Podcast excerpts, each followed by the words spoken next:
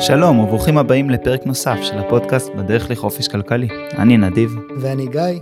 והיום אנחנו הולכים לדבר קצת על אה, שני מושגים מעניינים, אינפלציה ודיפלציה. אה, לפני שאתם מכבים את הפודקאסט כי זה נשמע קצת אה, מאיים, אלה באמת נושאים לא פשוטים מדי, אבל אנחנו ננסה לפשט אותם, הם מאוד מאוד חשובים. ורלוונטיים לחיים של כולנו. נכון, ואנחנו ננסה גם להראות איך אנחנו גם יכולים לקחת את המושגים האלה שהם יכולים להיות אפילו מפחידים במציאות, אה, ולנצל אותם לטובתנו. הם יכולים להיות כלים רבי עוצמה אה, בשביל להגיע לחופש כלכלי.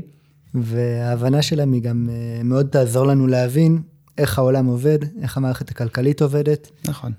מאיפה היא באה ולאן היא הולכת. נכון, בכללי באמת ההבנה של הדברים האלה ממש תעזור לנו להבין את העולם, ומי שקצת מבין את העולם בכל תחום ש... שהוא פונה אליו, אה, יהיה לו יותר קל.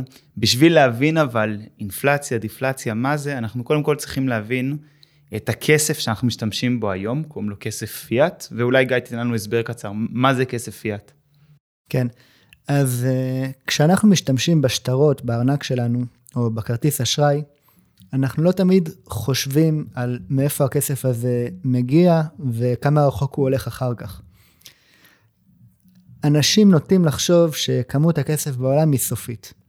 כלומר, אם אתה נתת לי 100 שקל, אז לי יש 100 שקל יותר, ולך יש 100 שקל פחות, אבל הדברים לא, לא תמיד עובדים ככה. במקור, כסף באמת היה בכמות אה, מוגבלת. כלומר, אנשים השתמשו במטבעות זהב למשל, שהכמות שלו היא מוגבלת, או בכל מיני אה, מוצרים אה, תחליפיים, ובאמת, אה, כשבן אדם אחד מעביר סכום של כסף לאדם אחר, אז כל אחד מהם היה יודע, לי יש פחות, לך יש יותר. מה שקורה ב, ב, בעולם המודרני, זה בעצם שאנחנו משתמשים בשטרות, והשטרות האלה, פעם הם ייצגו איזושהי כמות של זהב.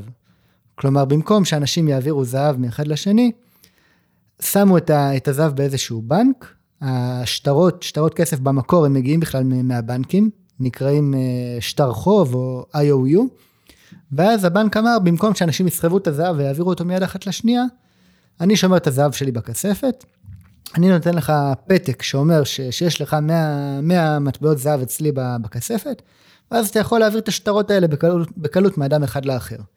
זה ככה היסטורית. עם הזמן, אה, דבר שדיברנו עליו די הרבה בפרק על הבנקים, שמי שעדיין לא שמע אותו, כדאי אה, לחזור ולהקשיב. אותם בנקאים ראו שיש להם בכספות אה, הרבה מאוד זהב, ואמרו, למה שלא נעשה עוד קצת רווח? אז בעצם את אותו כסף שיש להם בכספות, הם, הם התחילו להשאיל, להלוות את חלקו ולהרוויח ריבית. ו... עם הזמן הדבר הזה, בהתחלה הוא היה אסור, כלומר מדינות, בנקאים עשו את זה בחשאי ולפעמים נתפסו, וכשנתפסו הבנק שלהם הרבה, הרבה, הרבה פעמים קרס. אה, אבל המערכת הכלכלית של היום, בעצם המדינה מאפשרת לבנקים לעשות את זה, עד רמה מסוימת, ואז נוצר מצב מאוד מעניין, שאם חשבנו שיש לנו כמות מסוימת של כסף בעולם, אז בעצם הבנקים בעצם הפעולה שלהם מגדילים את כמות הכסף הזאת. בוא תסביר את המכניזם הזה. כן, אז איך בעצם הבנקים מגדילים את כמות הכסף? כי, כי אנחנו יודעים שהבנקים הרי הם לא, הם לא מדפיסים את הכסף. מי שמדפיס את הכסף זה, זה, זה המדינה, דרך הבנק המרכזי. אבל קורה דבר מעניין. נניח שיש לנו במערכת הכלכלית שלנו סכום מסוים של, של כסף, נניח 100 שקלים, בשביל הפשטות באמת. ואז נדיב ש, שיש לו אה, שיש לו 100 שקלים, הוא הולך והוא מפקיד אותם בבנק, והוא יודע שיש לו את ה-100 שקלים האלה בבנק. ואז הבנק בא ולוקח 90 שקלים מתוך אותם 100 שקלים, ומלווה אותם אליי, מלווה אותם לגיא. אז נדיב עדיין יודע שיש לו 100 שקל, אבל אני עכשיו לקחתי מהבנק הלוואה של 90 שקל. נניח שאני עם ה-90 שקל האלה עכשיו הולך וקונה מנדיב אה, שירותים מסוימים. יש לו חברה, אני קונה שירותים מסוימים, אני מעביר לו את ה-90 שקל האלה בתמורה לאותם שירותים. נדיב הוא אוהב לחסוך, הוא לוקח את ה-90 שקל האלה, מפקיד אותם בבנק. נדיב יודע שיש לו בבנק היום 190, 190 שקל. עכשיו נניח שאני אחד שאוהב לבזבז, אני הולך לבנק, אני לוקח מהבנק הלוואה של 80 שקל, אה, הבנק נותן לי אותם כי, כי הוא שומר על היחס רזרבה שלו, של 10% נגיד, ואז אני לוקח את הכסף הזה ו, וקונה איתו עוד, אה, עוד שירותים, צורך, מבלה, קונה מנדיב עוד שירותים, מעביר לו את ה-80 שקל, נדיב החסכן מפקיד את ה-80 שקל האלה לבנק, אני לוקח מהבנק הלוואה של 70 שקל, נגיד עכשיו לא לצורך בזבוז, אלא לצורך השקעה נגיד. נוצר בעצם מצב שנדיב יודע שיש לו בבנק, אתם עושים את, ה, את, ה, את המכניזם הזה שוב ושוב ושוב, נדיב יכול להגיע, ל, אני לא יודע, ל-150, ל-170, ל-200 שקל אולי בבנק, שהוא יודע שיש לו. אני מנגד לוקח הלוואות, אנחנו למעשה רואים שמעולם שבו יש 100 שקל, אנחנו נמצאים פתאום בעולם שיש בו אולי 300, אולי 400 שקל ש, שמסתובבים. עכשיו, אם, כל ה, אם נחזיר את כל החובות לה למקומות שלהם, יכול להיות ש, שיהיה לנו פחות כסף, אבל ברמה הפרקטית, נוצר מצב שמסתובב במערכת הכלכלית הרבה יותר כסף ממה שהיה שם מלכתחילה. עכשיו, אם המחירים אה, בשוק משקפים איזשהו יחס בין כמות השירותים שקיימים שניתן לצרוך, לבין כמות הכסף. מה קורה למחיר של אותם שירותים כשנכנס יותר כסף למערכת בעצם? הוא כמובן יהיה חייב לעלות. כלומר, יש, יש יותר כסף במערכת, זה אומר שיש יותר כסף שרודף אחרי אותם שירותים. נכון, או במילים אחרות, שכוח הקנייה של הכסף ירד. נכון, ואז בעצם אנחנו רואים עלייה במחירים, כשהעלייה במחירים הזו היא, היא בעצם אה, אומרת שאנחנו נדרשים לשים יותר, יותר שטרות, יותר מטבעות, יותר, יותר כסף בעבור, בעבור אותם שירותים. עכשיו העלייה במחירים הזו, שגיא דיבר עליה באמת והסביר אותה מאוד מאוד טוב, היא נגרמת גם מכיוון, מכיוון שהבנקים מלווים, זה קצת יותר אה, מורכב מזה ואנחנו נעסוק בזה בהמשך הפרק, אבל לתהליך הזה באמת קוראים תהליך של אינפלציה, והוא לא תהליך אה, תיאורטי, אני חושב שכל אחד פה, אה, שמאזין לפודקאסט יכול לחשוב ולהיזכר איך לאורך זמן הרבה מוצרים פעם היו הרבה יותר זולים, ממנת הפלאפל עד לקנות דירה. איך הכל היה פעם הרבה יותר זול, והמחירים עלו מבחינה נומינלית לפחות, וזה משקף... נומינלית הכוונה, הכוונה מספרית. כן, באמת אולי שווה שנייה אחת להסביר את ההבדל בין נומינלי לריאלי. כי הוא מאוד מאוד משמעותי שאנחנו מדברים על, אה, על אינפלציה. כן, אז אם אנחנו מדברים על עליות ערך, או על עליות מחירים, אה, כשאנחנו מדברים בצורה נומינלית או מספרית, ואנחנו בעצם אה, אומרים כמה, כמה מאותו מטבע מקומי נדרש היום כדי לקנות את מוצר X, נגיד כיכר לחם. אם פעם כיכר לחם עלתה חמישה שקלים והיום היא עולה עשרה שקלים, אז כיכר הלחם עולה פי שניים בצורה נומינלית, פי שניים מספרית. נכון, אבל ריאלית זה לאו דווקא אותו דבר, מכיוון שכוח הקנייה של הכסף לאו דווקא הכפיל את עצמו. נכון, כלומר, אם פעם הייתי צריך לעבוד שעה כדי לקנות כיכר לחם, והיום אני צריך לעבוד שעה כדי לקנות כיכר לחם, אז מבחינה ריאלית אין באמת שינוי בכמה אני נדרש לעבוד, או ביכולת השתכרות שלי, לעומת כמה שהמוצרים עולים. אז ריאלית לא, לא חל שינוי, למרות שנומינלית הוא הוכפל. נכון, אפשר גם לחשוב על זה בצורה באמת אה, פשוטה. אם פעם אה, השכר החציוני במשק היה כ-4,500 שקל לפני, לפני כעשור, זאת אומרת שחצי מהאוכלוסייה הרוויחה מעל 4,500 וחצי מתחת ל-4,500, אותם אנשים באותו חתך סוציו-אקונומי יכולים להרשות לעצמם היום את אותם מוצרים בסופר פחות או יותר. זאת אומרת, שיכול להיות שמבחינה נומינלית השכר שלהם היום במקום 4,500, השכר החיצוני הוא 6,500. אבל האם מבחינה ריאלית המצב שלהם משתפר? האם הכסף שלהם שווה יותר? לא בטוח. ממש זה לא... באמת uh, תלוי. לא בטוח, וזה תלוי בכמה אינפלציה יש. עכשיו גיא, מי עוד יוצר את האינפלציה הזאת? אז צריך, צריך להבין שבסוף למדינה כמדינה, יש אינטרס אה, שתהיה אינפלציה. ברמה מסוימת. רוב מדינות העולם מכוונות ליעד אינפלציה של בין אחוז אחד לשלושה אחוזים. יש להם גם כלים מסוימים כדי לנסות להשפיע על רמת האינפלציה. אין להם את היכולת באמת להכתיב ברמה הם המדויקת. לא יכולים לקבוע עכשיו האינפלציה תהיה חמישה אחוזים או שני אחוזים או עשרה כן. אחוזים. הם לא יכולים לקבוע, הם יכולים להפעיל כל מיני כלים של, של מדיניות, מדיניות אה, כדי לקדם את, ה, את היעדים האלה. נכון, לכלים האלה קוראים בעגה המקצועית כלים מוניטריים. בדיוק, כן. אחד מהכלים האלה זה באמת אה, ההגדרה של מה יחס הרזרבה שהבנקים חייבים לשמור בכספות. כלומר, היחס רזרבה הזה יכול להיות 10 אחוז, שאומר שלבנק מותר להשאיל או להלוות 90 אחוז מ- מסך הנכסים שיש ברשותו, וה, והבנק המרכזי יכול להגדיר, אני עכשיו מעלה את יחס הרזרבה או מוריד אותו, ועל ידי כך הוא בעצם שולט ברמה מסוימת, הוא משפיע על כמה כסף מסתובב במשק. אוקיי, אז למדינה יש באופן כללי אינטרס, עוד מעט תסביר את האינטרס הזה, שיהיה אינפלציה של 1, 2, 3 אחוזים בשנה, זאת אומרת שכוח הקנייה של הכסף ירד בין אחוז לשלושה אחוזים בשנה. בוא תסביר לי, אבל למה למדינה יש אינטרס שהכסף שיושב לי בארנק, שעבדתי קשה בשביל להרוויח אותו, יהיה שווה פחות כל שנה? לכאורה זה, זה, זה מתסיס. נכון, נכון, אנחנו עבדנו קשה בשביל הכסף שלנו, מה פתאום הם באים עכשיו ושוכחים את הערך שלו. אבל הס- הסיבה, לזה, הסיבה לזה היא בעצם uh, שהמדינה רוצה לשמור על מקומות עבודה. המדינה רוצה שהאוכלוסייה שלה uh, תעבוד, וכשהאוכלוסייה עובדת, הכלכלה מתפתחת ומתקדמת קדימה. אם אתה יודע שכל שקל שחסכת שומר על הערך שלו, ויצרת איזשהו הון, יכול להיות שלא תרצה לעבוד כל כך קשה.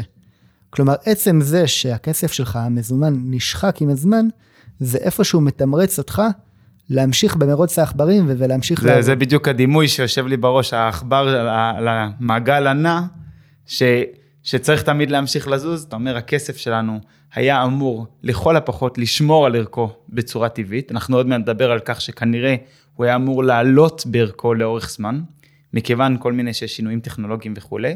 המדינה לא רוצה את זה כי היא רואה שמצב כזה לא מאפשר צמיחה של המשק, ולכן המדינה קצת כאיזשהו קנס, כאיזשהו מס, אה, ממש ככה, ממש היא, ככה. היא חותכת לנו איזשהו מס שאנחנו לא מכירים, של עוד 2% מסך הכסף שלנו, סך כוח הקנייה שלנו, כל שנה. אה, מה זה גורם לי לעשות כשהמדינה אה, אה, מורידה לי את כוח הקנייה?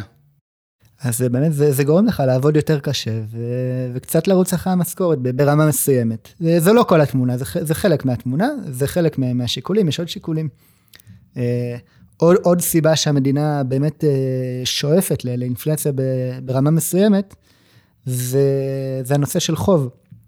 המדינה הרי היא לוקחת חוב אה, באמצעות איגרות חוב שהיא מנפיקה. האיגרות חוב האלה, יש להן אה, ש- שער מסוים, אה, כלומר, הן נושאות ריבית מסוימת.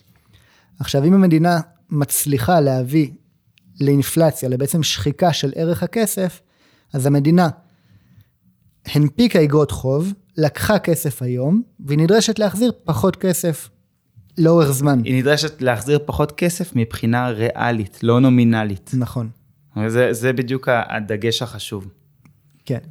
עכשיו, אה, יש פה עוד שיקולים של, אה, של יחסים בין מדינות ו- ויחסים אה, באמת בינלאומיים ברמה המסחרית והכלכלית.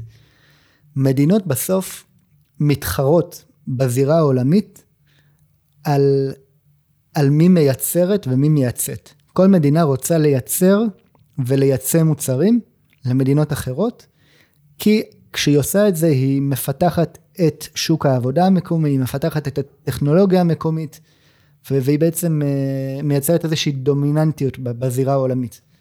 וכשמדינה מפחיתה את הערך של המטבע שלה, היא בעצם מוזילה את עלויות הייצור המקומיות בזירה העולמית, מה שנותן לה את, ה, את היכולת למכור את המוצרים שלה יותר בזול, להתחרות יותר טוב בזירה העולמית, ו, ובעצם אה, להשיג נתח שוק יותר גדול מהייצוא. עכשיו, כמובן, אם מדינה תגזים ותיצור מצב שיש אינפלציה גבוהה מדי, היא תקבל ממש אה, תגובה הפוכה. זה לא מעודד אה, השקעות במדינה שיש בה אינפלציה גבוהה, וזה לא מעודד את, ה, את האזרחים להיות יצרנים, יש לזה השלכות הרסניות, אבל לפני שבאמת ניכנס להשלכות ההרסניות שיכולות להיות לאינפלציה, אני רוצה שנייה אחת להתעכב ולדבר על מה שהתחלנו להגיד, של הנטייה הטבעית של טבע המטבע להיות דיפלציוני. דיפלציוני זה ההפך מאינפלציה. אינפל, אינפלציה באה מהמילה באנגלית inflate. inflate, I inflate a balloon. אני מנפח בלון, בלון, אני יוצר אינפלציה, אני מנפח את מחזור הכסף הקיים בכלכלה. אני deflate, אני יוצר דיפלציה, אני מכווץ את הבלון או את מחזור הכסף שיש בכלכלה. מה שאמור לקרות בצורה יחסית טבעית, שעם הזמן, בזכות פרודקטיביות שעולה, תחרות, טכנולוגיה חדשה, מוצרים אמורים לעלות לאורך זמן פחות ופחות. אנחנו גם רואים את זה בשווקים השונים. אני היום מסתכל על, ה, על הפלאפון שיש לי, שעלה לי 500 שקל. פלאפון הרבה פחות uh, משוכלל, היה עולה לפני 10 שנים, 15 שנה, 3,500, 5,000 שקל, uh, סכומים אחרים לגמרי, טלוויזיות, תחשבו באמת על כל מוצרי האלקטרוניקה, uh, כמה באמת כוחות דיפלציוניים עצומים יש עליהם, וזה המצב הטבעי, אז באמת צריך להבין ש... מבחינת בני אדם, אני חושב שכל מקום שהוא בין דיפלציה קלה של אחוז או שניים לאינפלציה קלה של אחוז או שניים, זה לא משפיע עלינו יותר מדי. אני עכשיו הולך אה, באמת להיכנס ולדבר על מה קורה כשהאינפלציה או הדיפלציה יוצאים משליטה. כן. אגב, אה, סיבה נוספת, באמת זה מכלול של סיבות. אה, סיבה נוספת שהבנק המרכזי מכוון ליעד אינפלציוני של בין אחוז ל-2 אחוז, ל-3 אחוז, אחד היעדים המוגדרים, אחת המטרות של הבנק המרכזי, זה לשמור על, על יציבות המחירים. וזה ממש, זה יעד מוגדר, זה בבסיס של למה הוא קיים, לשמור על יציבות מחירים. כי אנחנו בתור בני אדם, מאוד קשה לנו להתמודד ולקבל החלטות קנייה ומכירה, בסביבה שהמחירים בה משתנים מאוד. בעיקר כשהם עולים כמובן. כן, אבל גם במחירים יורדים, מאוד קשה לנו, אנחנו יודעים כמה בערך אמור לעלות אה, כיכר לחם וכמה בערך אמור לעלות אוטו, וקשה לנו לזכור את כל המחירים השונים, כמה הם היו וכמה הם יהיו, לכן הבנק באמת מכוון לאיזושהי יציבות של, של מחירים. אוקיי, okay, עכשיו בואו נדבר כש, כשהדבר הזה יוצא משליטה, וזה היסטורית קורה כל הזמן לכל מיני מדינות. נדבר גם אה, מה המנגנון שאמור למנוע את היציאה משליטה, אבל באמת נתחיל ביציאה משליטה. אה, במצב שיש אינפלציה שעולה על 3 אחוזים בשנה, מתחילה להיות 5, 6, 10 אחוזים בשנה, אה, זו כבר אינפלציה גבוהה, היא, לא מה ש, היא עדיין לא מה שמוגדר כהיפר אינפלציה, היפר אינפלציה זה כבר אה, ברמה שיש יותר מ-20 אחוז אינפלציה בשנה, אבל מה קורה לכלכלה? במצב שכוח הקנייה של הכסף שלי יורד לא באחוז או שניים כל שנה, יורד בשמונה, עשרה אחוזים. כן. אמ, תשמע, אם אתה רואה את, את ערך הכסף שלך נשחק בצורה מאוד מהירה, מה, מה, מה הבן אדם הנורמלי יעשה? אתה, אתה, אתה רואה ש, ש, שבאמת הכסף שלך מאבד מהערך. טוב, דבר ראשון שאני אעשה זה אני לא ארצה להחזיק את הכסף פיאט הזה, שיש לגורמים כאלו ואחרים שליטה על כמה יש ממנו, קודם כל אני ארצה להיפטר ממנו. נכון, אתה תרצה בעצם להחליף אותו במוצר אחר, שלא מאבד מהערך שלו כל כך מהר. נכון, מוצר שבטבע שלו אין לבני אדם כל כך הרבה שליטה על כמה יש ממנו. בדיוק, בדיוק. אז בסביבה שהיא אינפלציונית חזקה, אפילו לפני ההיפר-אינפלציה, בסביבה שהיא אינפלציונית חזקה, אנשים יש להם נטייה, קודם כל, לא להחזיק מזומן לאורך זמן, אלא להשקיע אותו, בין אם זה במוצרי אה, השקעה כאלה ואחרים, אה, או לחילופין, אה, פשוט להמיר אותו בסוג אחר של כסף, כמו למשל זהב, שפשוט שומר על הערך שלו, כי בני אדם לא יודעים לייצר זהב. עכשיו, מה קורה בעצם אם אנשים הולכים ומשתמשים ביותר ויותר מהכסף שלהם כדי לקנות מוצרים, כי הם מפחדים מירידת ערך הכסף. או כדי פשוט לאחסן את זה בסוג אחר של סחורה, אבל לא, לא מוציאים את זה בכלכלה עצמה. אז למעשה הביקוש למוצרים גדל, כלומר יותר, יותר מהכסף רודף אחרי אותם המוצרים, נכון? נכון. מה יקרה למחירים של המוצרים? עוד יותר יעלו. המחיר, המחיר יעלה, נכון? מה קורה כשמחיר המוצרים עולה בצורה מהירה? מה, אני רוצה לאינפ... לשמור על הכסף שלי יותר, כי האינפלציה בעצם עלתה. אנחנו עוד מעט נסביר גם איך מודדים את האינפלציה, אנחנו נדבר על זה. מה שגיא תיאר פה באמת זה התחלה של אה, מה שנקרא אה, ספירלה אינפלציונית, והיא מצב שמזין את עצמו, שבו מכיוון שהמחירים עולים, אין לי אינטרס יותר לחסוך את הכסף, אז אני אצרוך אותו על מוצרים שאני חושב שיכולים להחזיק לאורך זמן. יכול להיות שבמקום שאני אקנה כיכר לחם אחת, אני אקנה חמש כיכרות לחם עכשיו, אם זה היה אפשרי, הייתי קונה גם 100, מכיוון שאני יודע שהמחיר שלהם הולך לעלות, אה, והדבר הזה פוגע בכלכלה וחוזר על עצמו. יכול להיות אפילו שאנשים מסוימים יקנו הרבה לחם, מתוך ידיעה, מתוך הבנה שהמחיר שלו יעלה, ואז הם אומרים, אני אקנה עכשיו, ואז אני אמכור לאנשים אחרים במחיר יותר יקר. זה יוצר ביקושים אדירים לסחורות, זה מטיס את המחירים שלהם למעלה, וזה גורם לאנשים עוד יותר אה, לאבד את, ה, את, את האמון. האמון, זה האמון, בסוף זו שאלה, בכל מטבע פיאט של מדינה, השאלה היא שאלה של אמון, אה, ומצב של אינפלציה הוא מצב שכמו שאמרנו, הבנקים המרכזיים, המדינות מכוונים לקצת אינפלציה, אבל זה מאוד, הם משחקים באש. ממש, ממש כי ברגע ככה. שזה יוצא משליטה, מאוד מאוד מאוד קשה להחזיר את זה לשליטה.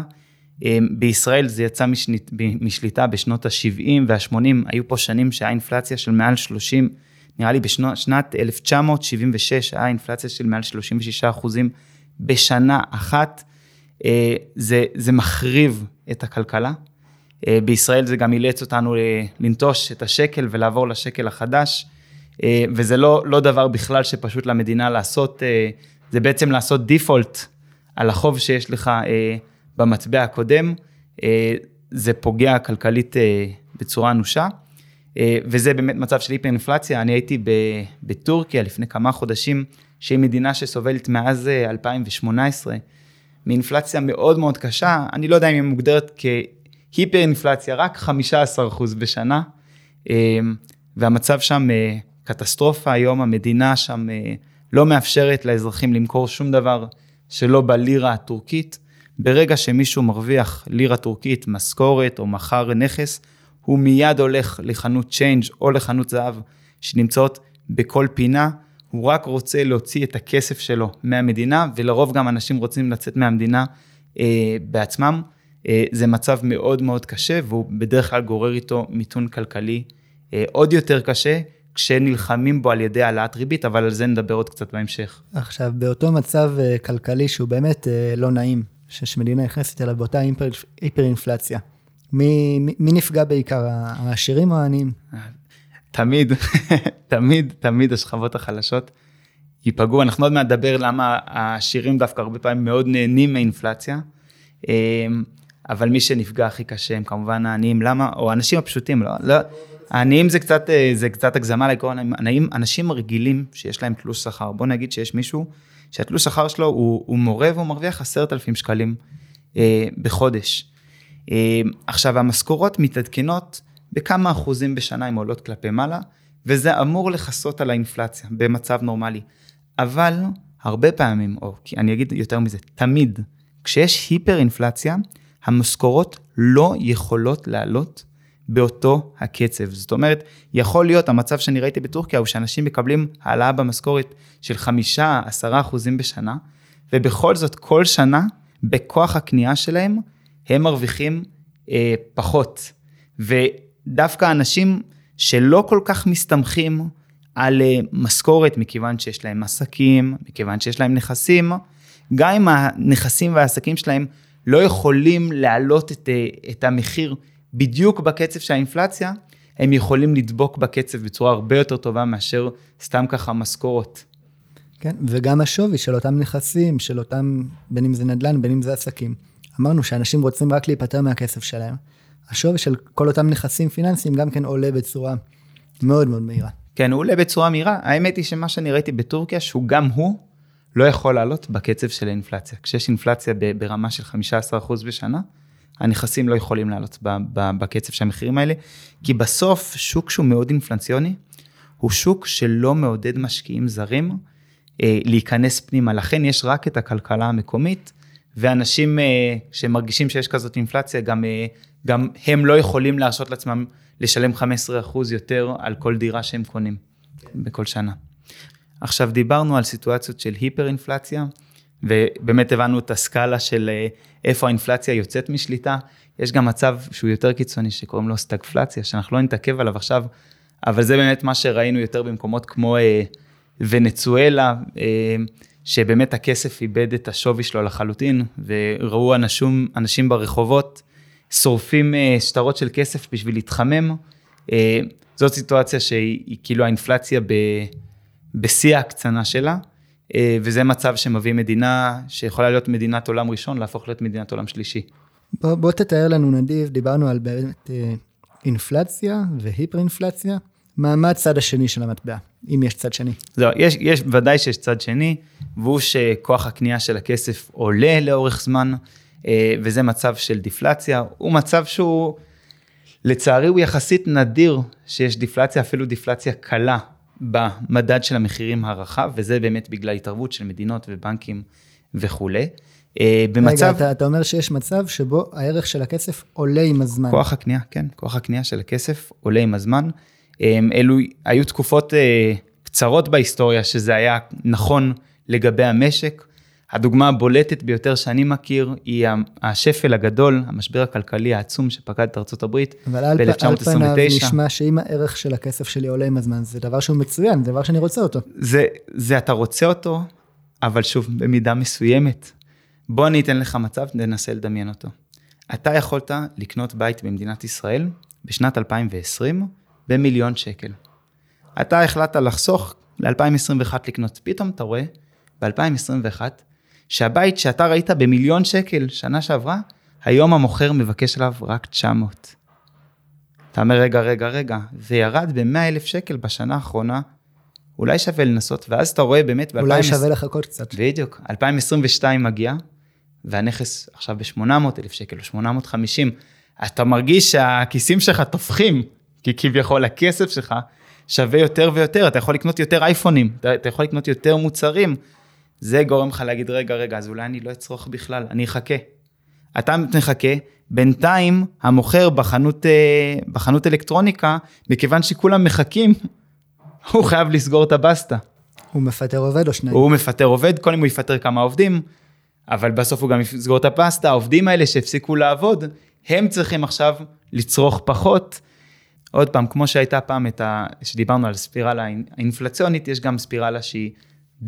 דיפלציונית, אה, וזה באמת מה שקרה בש... במשבר הגדול, השפל הגדול של 1929 בארצות הברית. במשך אה, ארבע או חמש שנים היה שם ממוצע של דיפלציה של עשרה אחוזים בשנה. אה, זה גרם לנפילה בבורסה של 90 אחוזים, וממש הוביל את ארה"ב לשוקת שבורה. שרק התאוששה ממנו באמת לקראת מלחמת העולם השנייה. כן, זה, זה באמת מעגל שהוא יכול להיות אפילו יותר כואב מהאינפלציה, המעגל הדיפ, הדיפ, הדיפלציוני, כי הוא באמת, אה,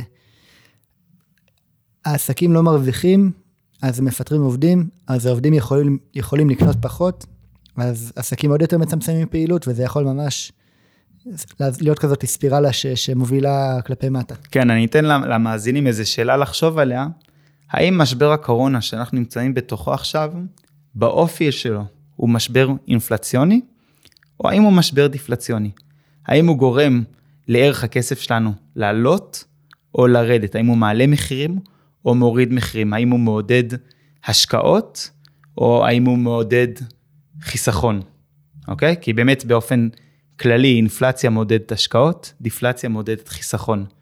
אה, אבל כמו שגיא אמר, אה, באמת אה, מדינות ובנקים מרכזיים מפחדים מאוד גם מאינפלציה גבוהה, גם מדיפלציה גבוהה, אה, מכיוון שבשנים האחרונות, לפחות לפי דרך המדידה שאנחנו נדבר עליה ממש עכשיו, בשנים האחרונות לא הייתה אינפלציה כמעט בכלל בשנת 2020. בישראל נמדד במדד המחירים לצרכן ירידה של 0.5 אחוז. אז באמת מדינות ובנקים מרכזיים עושים כל מאמץ בשביל למנוע אה, מאינפלציה גבוהה במשק.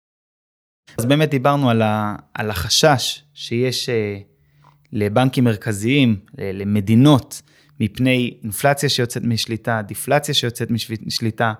אפשר באמת לחשוב ולנסות אה, להבין האם הסיטואציה שיש היום במדינת ישראל בעקבות הקורונה היא סיטואציה דיפלציונית או אינפלציונית. אני רוצה שנייה אחת לחזור אחורה ולשאול איך אנחנו בכלל יודעים למדוד מה, מה רמת המחירים, האם כוח הקנייה שלנו עולה או יורד לאורך זמן? כן.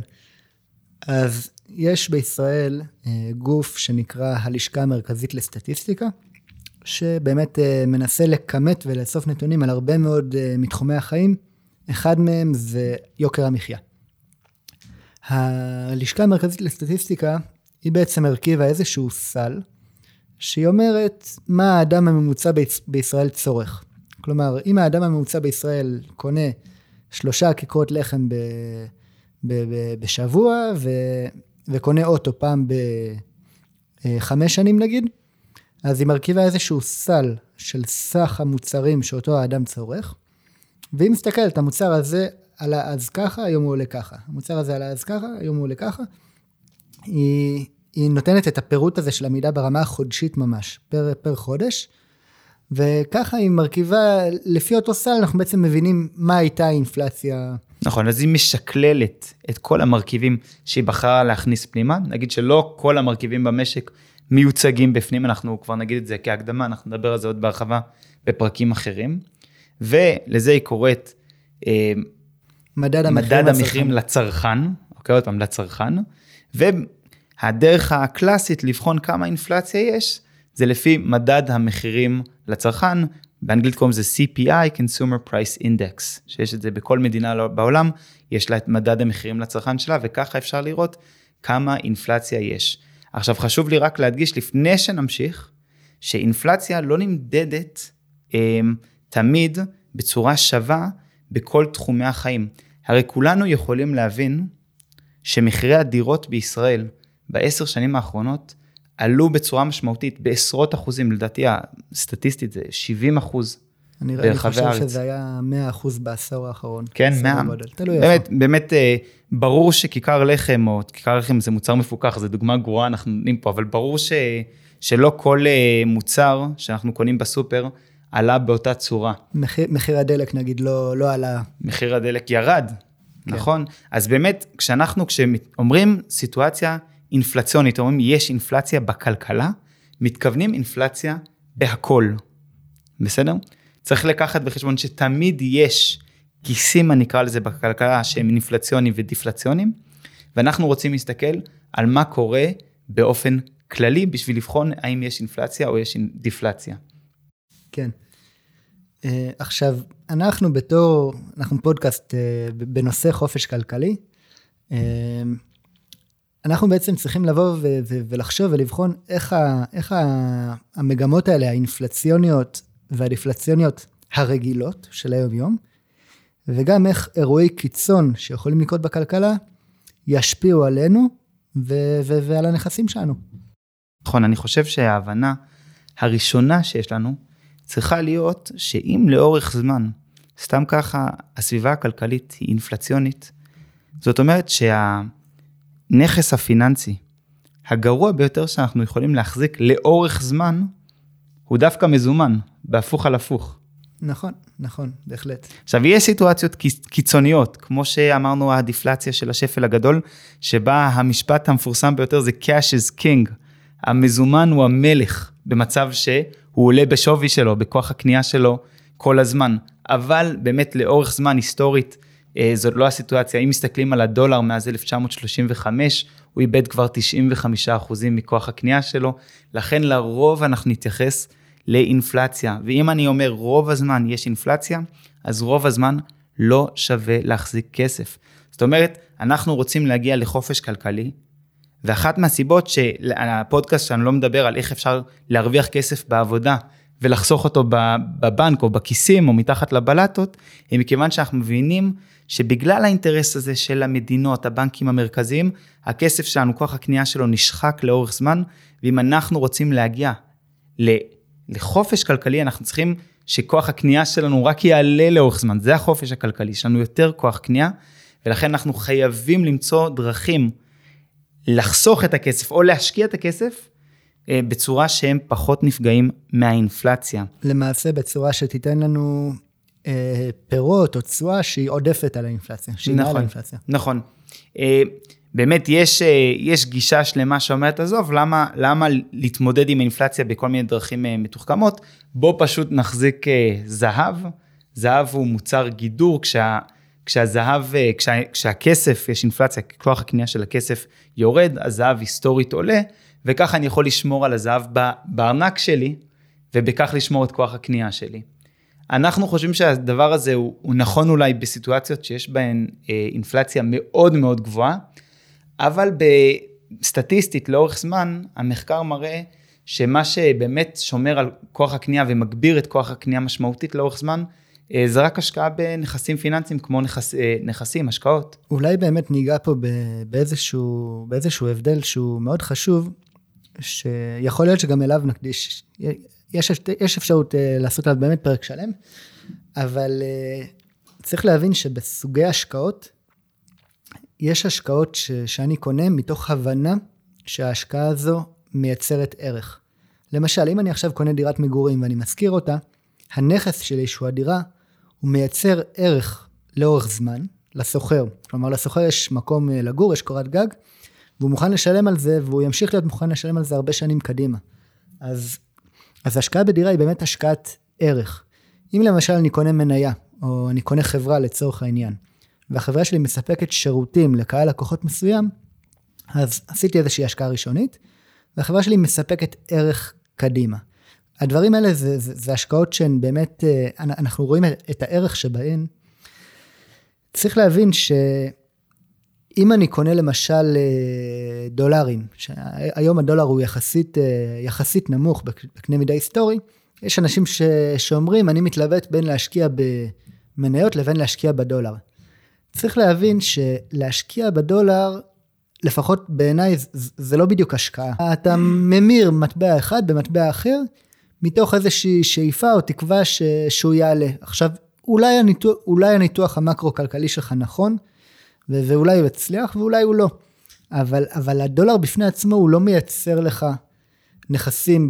הוא לא מייצר לך פירות בצורה שלו, ואפשר להגיד את אותו הדבר על זהב. כלומר, מי שעכשיו קונה זהב, זו לא השקעה, כי הזהב לא, לא מייצר, הוא, הוא לא מוליד עוד זהב, הוא לא מטיל ביצי זהב. זהו, חסידי הזהב יגידו לך שיש שימושים שאפשר לעשות בתעשייה, בתכשיטים עם זהב, אבל אני מסכים איתך שוודאי לא, לא מצדיק את המחירים כן. של כמה אונקייה אחת של זהב עולה היום. ומטבעות דיגיטליים גם ניגע ככה ממש בנגיעה. אנחנו נעשה על זה, זה פרק. זה, אה, כן, זה ממש בנגיעה, זה אותו הקונספט. יכול להיות שאתה משקיע במטבעות דיגיטליים כי אתה מאמין שהערך שלהם יעלה, ויכול להיות שהוא יעלה. אבל זו לא באמת השקעה, זה יותר ספקולציה, יכול להיות שזו ספקולציה מחושבת, אבל זו ספקולציה כי, כי הביטקוינים שיש לך, או המטבעות האחרים שיש לך, הם לא מולידים עוד ביטקוינים. בניגוד לדירה או למניות שמניבים לך הכנסה פירותית כל הזמן. כן, טוב, אנחנו הולכים לעסוק באמת בנושאים האלה הרבה, על מה זה אומר להיות בדרך לחופש כלכלי, ואיזה סוג נכסים והשקעות אדם עושה כשהוא מבין שיש פה איזושהי דרך אה, שצריך להגיע אליה. אבל אה, נכון, כמו שהזכרת, גם הביטקוין, גם הזהב, גם מטבעות, יש אנשים שאומרים, אה, אני אתגונן מפני האינפלציה בזה שאני אשקיע, אני אשקיע במטבע של מדינה שפחות אה, נוטט לשחיקה, כמו, איך קוראים למטבע של הפרנק השוויצרי. יש, יש כל מיני גישות כאלה, אנחנו בעיקר חושבים שאנחנו רוצים להגדיל את כוח הקנייה שלנו ולא לשמור עליו, ואת זה עושים על ידי אה, השקעות. עכשיו, בהשקעות אנחנו כל הזמן חוזרים למונח הזה שהוא תשואה. תשואה זה כמה כסף אני מרוויח על הקרן שלי. עכשיו, האינפלציה נמדדת בצורה מאוד מאוד דומה. זאת אומרת, אם יש סביבה אינפלציונית טיפוסית של 2.5% בשנה, כוח הכסף שוב נשחק ב-2.5% בשנה. אם אני רוצה להשקיע, אם אני עשיתי תשואה של 2.5% בשנה, האם הרווחתי או הפסדתי? התשובה היא לא זה ולא זה. אני שמרתי על כוח הקנייה של הכסף שלי בפני אינפלציה. זאת אומרת, ככל שסביבת האינפלציה שלי יותר גבוהה, אני חייב שהתשואה שאני אעשה על הכסף שלי תהיה יותר גבוהה. עוד פעם, זה חוזר למי שמחזיק כסף בחשבון בנק שלו, גם אם הוא מקבל ריבית אפסית של, אה, מה הוא, 0 נקודה... כן, משהו באמת באמת אה, זה, משהו מאוד מאוד אפסי, הוא צריך להבין שכנראה ריאלית הוא מפסיד מכוח הקנייה שלו אה, לטובת אינפלציה. עכשיו, כשאני רוצה להשקיע באיזשהו עסק, אוקיי? ואני אומר, טוב, לאורך זמן תהיה אינפלציה. יכול להיות שיהיו תקופות גם של דיפלציה, אני צריך לחשוב גם איזה עסק יצליח בתקופה שכוח הכסף, אה, כוח הקנייה של הכסף עולה, אה, וזה באמת, אני אתן לכם רמז שמוצרי יוקרה לא עושים יותר מדי טוב בסביבה כזאת אינפלציונית. אה, ואני רוצה בסביבה אינפלציונית להבין איך אני הולך להשקיע, אני חייב להשקיע בדברים שאני מאמין שגם אם המחיר שלהם יעלה, ואפילו יעלה הרבה, האנשים ימשיכו לקנות. שתי דוגמאות שעולות לי מאוד מאוד בצורה פשוטה, שדברים שכוח הקנייה שלהם, כוח, סליחה, שדברים שהביקוש שלהם, שהם הכרחיים, שהם הכרחיים, שהביקוש שלהם הוא קשה, אז נגיד דלק, זה מוצר שאם אני צריך להגיע למקום העבודה שלי ואני צריך דלק, אני אשלם, אם הדלק יעלה חמישה שקלים לליטר או עשרה שקלים לליטר, אני אשלם, יכול להיות שאני אסע קצת פחות, אבל זה מוצר שאני צריך. נייר טואלט, לא צריך להגיד עוד מילה. כמה, כמה שיעלה, אני אקנה, כי אין לי שום ברירה אחרת. אבל מצד שני, בסביבה אינפלציונית, יכול להיות שעסק שמייצר איזשהו מוצר שהביקוש אליו הוא, הוא בגלל שזה זול אני אקנה, אבל אם זה לא היה זול, אז אני כבר לא אקנה. אה, מוצרים זולים, דווקא הם הרבה פעמים יש להם אה, ביקוש פחות גבוה, פחות קשיח, ואנשים מוותרים עליהם יותר מהר יותר, כשהמחיר עולה. אתה יכול לתת דוגמה מטרות, למשהו כזה. מוצרי מטרות, מוצרי מטרות שהם הם לא, הם, הם גם חשובים, אבל כשאתה, כשאתה נמצא בסביבה שהיא של אי ודאות כלכלית, בין אם זה אינפלציה ובין אם זה דיפלציה, הנטייה היא, היא, היא להשקיע יותר ב, ב, בדברים שהם הכרחיים, להוציא את הכסף על הדברים ההכרחיים, וכל מיני ענפים אה, פריפריאליים יותר, כמו טיולים לחו"ל, כמו רכב חדש, כמו כל דבר שאנחנו רוצים ואנחנו אוהבים ואנחנו בעד, אבל אפשר, אפשרי להסתדר בלי, אז אנשים יש להם נטייה להוציא פחות על הדברים האלה ב, בזמנים של אי ודאות כלכלית. כן, אני חושב שהנושא הזה בכלל של אינפלציה, דיפלציה, כש, כשהתחלתי ללמוד עליו לפני אולי שנתיים, ושזה באמת התחיל לנחות עליי, איזשהו משהו משתנה בתפיסת עולם, שאתה כבר לא מודד את האושר שלך או את ההצלחה שלך הכלכלית בכמה כסף יש לי. זאת, זאת באמת, באמת, אתה מבין שזו שאלה לא, לא רלוונטית, אלא הכל נמדד בכוח הקנייה שלי. כמה חופש כלכלי יש לי. וזה שינוי, אה, שינוי תפיסה, שאני חושב שהוא מאוד מאוד חשוב, מכיוון שלפחות לעניות דעתי, אה, יכול מאוד להיות שהשנים הקרובות, העשורים הקרובים שוב, יהיו אה, אינפלציונים הרבה יותר ממה שאנחנו רגילים להיות, בעקבות הדפסת כסף מסיבית שמדינות עשו עכשיו בשנים האחרונות, מאז המשבר הכלכלי הגדול של 2009, 2008, 2009, וכמובן משבר הקורונה, זה יכול להוביל לכל ההדפסת הכסף הזאת שנעשתה, יכול להוביל לעליית מחירים דרסטית, לעלייה באינפלציה, וכשאני משקיע, ואני יודע שגיא משקיע, הדבר הזה הוא לא יושב לנו במאחורה של הראש, הוא יושב לנו כ, כדבר מרכזי, כי ההבנה של הסביבה המקרו-כלכלית יכולה לשדרג את התוצאות של ההשקעות שלנו בצורה דרמטית. לחלוטין, לגמרי. הדבר האחרון שאולי ננסה קצת לגעת בו בפרק הזה, זה להבין איך אינפלציה ודיפלציה משפיעות על חוב. כי אנחנו כמשקיעים וכמשקיעים צעירים וכמשקיעים שיכולים להרשות לעצמם רמה מסוימת של סיכון, הרבה פעמים אם נזהה השקעה טובה, אנחנו הרבה פעמים נרצה אה, לעשות איזושהי רמה של מינוף. איזושהי רמה של לקחת הלוואה, לקחת חוב, בנוסף להון העצמי שלנו, ולהשקיע אותם ביחד כדי לקבל תוצאות שהן, אה, שהן אה, משמעותיות יותר. אז אם אנחנו ניגשים לקחת חוב, כדאי מאוד להבין איך אינפלציה ודיפלציה משפיעות על החוב שאנחנו לוקחים. אה, לרוב כשניקח חוב, יש, יש כמה מסלולים. אה, אחת ההשקעות חוב, אחת ה, אחד המסלולי חוב הקלאסיים הם, הם משכנתה. כשבן אדם קונה דירה למגורים ולוקח משכנתה, או דירה להשקעה ולוקח משכנתה, אז uh, כשמגיעים לאותו פקיד בנק מנומנם ואומרים לו אני רוצה משכנתה, הפקיד ישאל אותך איזה מסלול אתה רוצה. אז יש כמה מסלולים, לא ניגע פה בכל המסלולים השונים שקיימים. אנחנו נעשה פרקים ממש על המשכנתה ואיך לבחור כן, אותה.